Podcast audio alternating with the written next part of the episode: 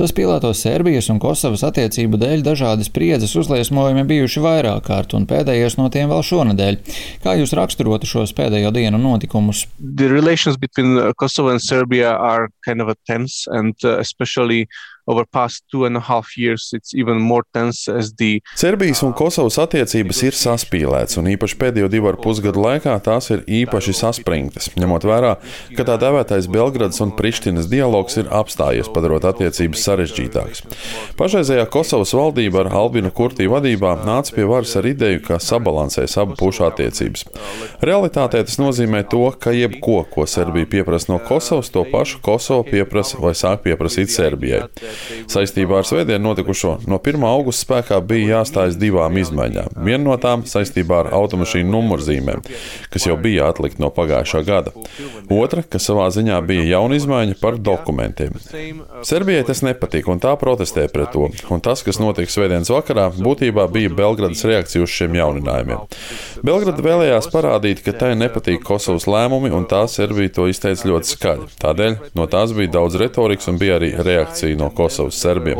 Actions by the Kosovo Serbs, because as you know, approximately 10% of the Kosovo population are Serbs actually. Aptuveni 10% Kosovas iedzīvotāji ir serbi, kas pārsvarā dzīvo Kosovas ziemeļos, kompaktā teritorijā, bet arī dienvidos ir liela daļa serbu. Īpaši ar ziemeļiem Belgradas administrācija ir ļoti spēcīga saikne. Tur ir aktīvisti, ir politiskās partijas, kas tiek kontrolētas. Tas, kas notika pēc šo barikāžu celšanas, kas patiesībā tiek celt salīdzinoši bieži, bija ASV vēstnieka Kosovā savu veidu iejaukšanās. Viņš aicināja Kosovas valdību atlikt dokumentu regulējumu līdz 1. septembrim, bet automašīnu numurzīm regulējumu līdz 1. oktobrim. Būtībā aicināja iegūt laiku. Tagad situācija ir relatīvi mierīga, jo ir atvaļinājuma laiks, to starp Briselē. Tādēļ nevienam nav laiks runāt šo jautājumu starp Belgradu un Prištinu. Redzēsim, kas notiks 1. septembrī. Varbūt būs kādas problēmas, taču vairāk raugos uz oktobri, jo tas Balkānos būs ļoti saspringts. Runa ir ne tikai par šo numurzīmu jautājumu, bet arī par vēlēšanām Bosnijā, kas ir saistīta ar Serbiju. Bosnijā ir šīs serbu teritorijas, kurā dzīvo pārsvarā serbi, un valstī šī iekšējā etniskā spriedze ir ļoti augsta. Bosnija Hercegovina the, the tension, interethnic tension is, is on height. Izskanēja nemazums apgalvojumu, ka aiz šī pēdējā sāsinājuma stāv ne tikai Serbija, bet arī Krievija. Kāds ir jūsu viedoklis, vai šie apgalvojumi ir pamatoti? Yeah, Serbia reacted to the uh, changes of um, uh, Kosova's legislation because they wanted to be vocal, of course, and they must. Serbija reaģēja uz Kosovā pieņemtajām izmaiņām un vēlējās būt labi sadzirdēta un paust nepatiku. Bet tad tas viss piedzīvoja ļoti interesantu pagriezienu, jo liela daļa konflikta, kas norisinājās svētdien un vēl pirmdien, būtībā notika sociālajos mēdījos. Daudzi sociālo tīklu konti, kas jau ierasti bija prokrieviski un vairāk pievērsās Ukrainai un Zīrijai, svētdienas vakarā pēkšņi pārslēdzās un runāja tikai tikai par Kosovu, ka Kosova uzbruks Serbijai, kas ir pilnīgi absurdi. Un šie konti arī izplatīja izdomājumus par attiecībām Kosovas un Serbijas starpā. Būtībā tie pielēja eļļu ugunī.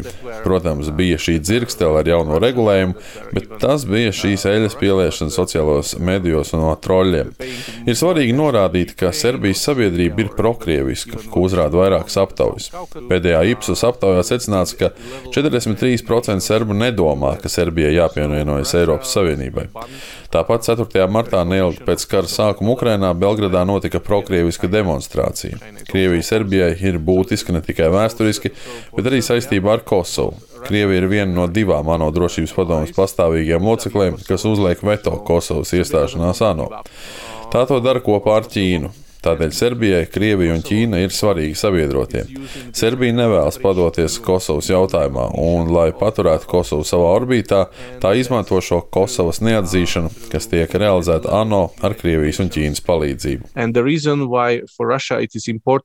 Kind of in, in Krievijai ir būtiski radīt šo troksni Balkānos, jo tas nosvērtu Eiropas Savienības un NATO uzmanību no Ukrainas uz citu krīžu pusi. Balkāni šajā ziņā ir ļoti ērti un lēti lēti Krievijai, jo nepieciešams nelielas investīcijas, lai to panāktu. Viss, ko ir nepieciešams izdarīt, ir izplatīt propagandu, izmantot hibrīdu pasākumus, lai uzliesmotu šis supernacionālistiskais naidīgums, kas Balkānos pastāv. Un arī vietējās kopienas var darīt to pašu.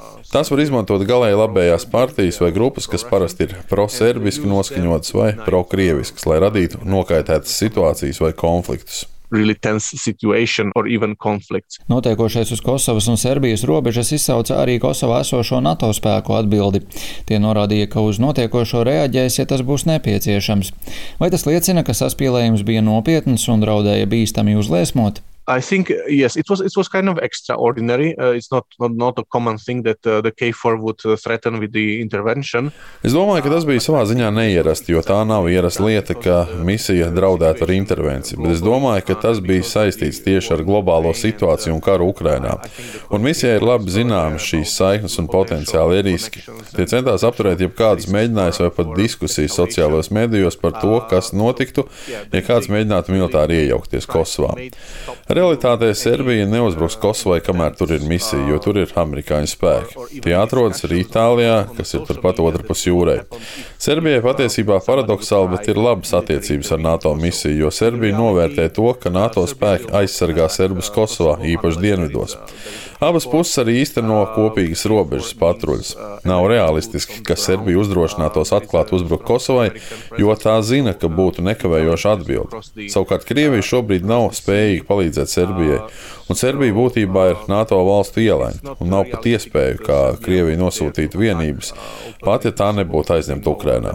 Tomēr ir ekstrēmisti un ultranacionālas grupas Kosovas ziemeļos, kas var radīt spriedzi Kosovā, un Serbijai noliedzot jebkādu iesaisti, kas pat var būt taisnība, jo dažas no grupām darbojas patstāvīgi.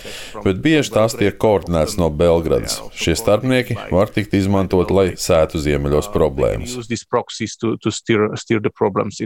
Izskanēja viedokļi, ka militāras darbības no Serbijas puses pārvilktu strīpu jebkādām cerībām par virzību uz Eiropas Savienību.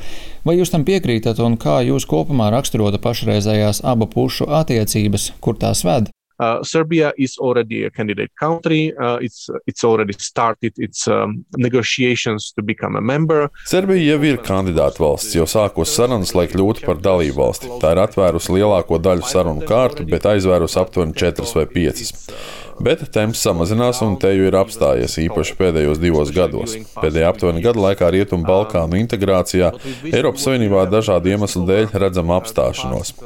Serbija redz, ka tās Eiropas integrācijas ceļa galā ir Kosovas atzīšana. Neprecīzi uzrakstīts sarunu dokumentos, bet ir skaidrs, ka attiecībām jābūt normalizētām, kas daudzām valstīm nozīmē Kosovas atzīšanu no Serbijas puses.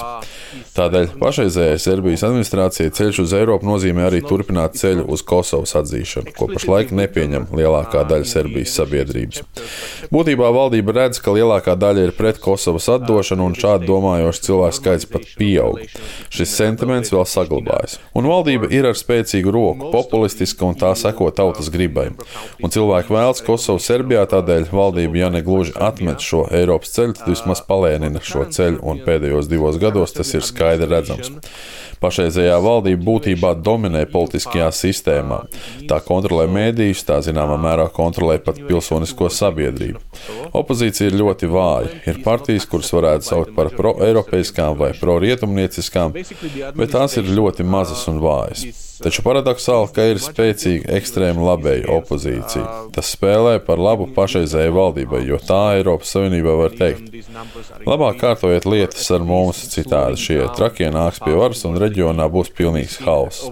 Runājiet ar mums, jo stabilizējošais faktors esam mēs. Serbija pievērš citiem spēlētājiem - Krievijai, Ķīnai, arī Turcijai, ar kurām Serbija veido labas attiecības. Nesen Serbija iegādājās no Ķīnas militāro aprīkojumu, bruņotas dronus. Tāpat no Ķīnas tika nopirktas pretgaisa sistēmas, kļūstot par pirmo Eiropas valsti, kas lieto konkrētās sistēmas. Tātad runa ir ne tikai par Ķīnas investīcijām Serbijā, bet arī militāro sadarbību. Savukārt militārā sadarbība ar Krieviju bija aktīvāka pirms kara Ukrainā.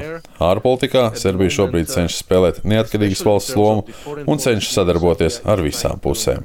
Kind of independent to all possible sides